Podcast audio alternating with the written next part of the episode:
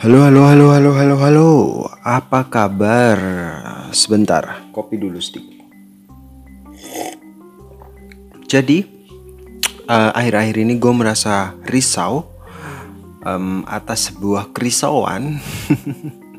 risau atas sebuah kerisauan tentang cedera yang uh, pada minggu ini dialami oleh kiper Arsenal yaitu Bernd Leno kiper Arsenal yang uh, sempat ngomel-ngomel saat ditanduk keluar lapangan. Ya memang begitulah sebagai pemain profesional kan. Jadi dalam lingkup ruang lingkup atau dalam wilayah persepak bolaan ya antar pemain ya saling menghargai satu sama lain dengan cara menjaga supaya lawannya tidak sampai harus cedera parah hingga ditanduk keluar lapangan.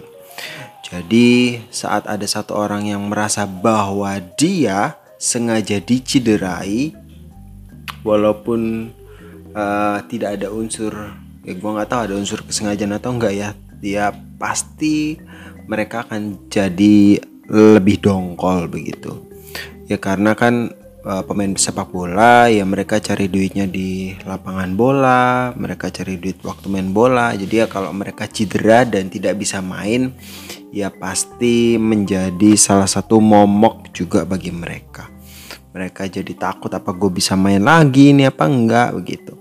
Jadi gue akan membahas tentang kemungkinan apa cedera yang kemudian dialami oleh Bad Leno gue panggilnya Leno aja ya susah ber berapa kalau dia dari riwayat cedera sebelumnya jadi cedera si Leno ini gue mau lebih tarik ke belakang tentang injury historinya atau cedera yang pernah dia alami atau cedera dia sebelum cedera ini. Jadi ternyata dia sudah memiliki masalah pada ligamennya. Dan ini dan cedera yang kemarin itu ternyata bukan cedera yang pertama. Musim 2017 2018 dan setahun setelahnya musim 2018-2019 ternyata Doi pernah juga mengalami masalah ringan di ligamennya atau istilah medisnya stretch ligamen ligamen yang ketarik. Jadi belum sampai putus cuma dia agak sedikit tegang gitu. Tegang? Gue nggak tahu apa yang kena adalah pada kaki yang sama atau tidak dengan cedera yang baru-baru ini, tapi resiko cedera terdahulunya bisa jadi atau mungkin saja hmm, mengalami puncaknya pada pertandingan kemarin saat melawan Brighton. Uh, dia salah posisi jatuh, akhirnya uh, mengalami cedera yang cukup parah. Walaupun ada sangkaan bahwa Cedera itu akibat pemain Brighton yaitu Neil Maupay yang kelihatannya sih sengaja buat ngejatuhinya. Kalau dari gua ya bola udah ditangkap sama kiper terus tiba-tiba disenggol dan kipernya jatuh posisinya salah. Itu uh, sangat sangat cukup um, gimana ya?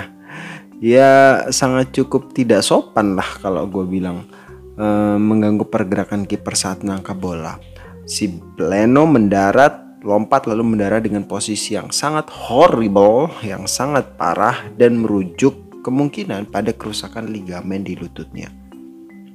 Ligamen kalau lu belum tahu dan lu harus denger podcast gue yang sebelumnya, ligamen itu adalah tali pengikat sendi yang kalau rusak ya udah rusak. Dia harus dioperasi karena bagian itu minim pembuluh darah sehingga pemulihannya pun juga nggak bisa sembuh sendiri. Kayak misalnya kalau lu luka itu bisa nutup sendiri. Kalau misalnya tulang lu patah itu kalau patahannya sempurna dia bisa nyambung sendiri.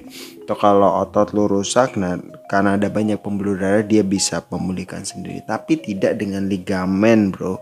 Jadi ligamen itu gue sendiri curiga bahwa ligamen yang kena pada si Leno ini adalah bukan dari sisi anterior atau sisi depan yang seperti biasa pemain-pemain bola pasti alami atau namanya ACL tapi ini kelihatannya lebih ke sisi belakangnya atau sisi posterior kalau istilah medisnya.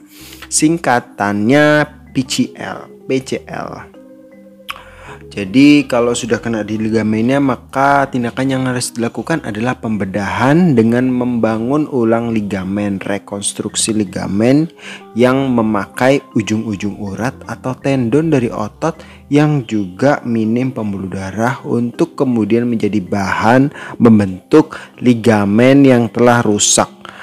Nah, itu kalau dia cederanya ada pada grade 2 atau pada tingkat kerusakan yang kedua. Tapi kalau si Leno ini baru kena di grade 1, cedera kerusakan tingkat pertama, ya untuk ligamen PCL sering kali harus cuma disuruh beristirahat saja dengan memakan beberapa obat-obatan, latihan ringan, lalu fisioterapi.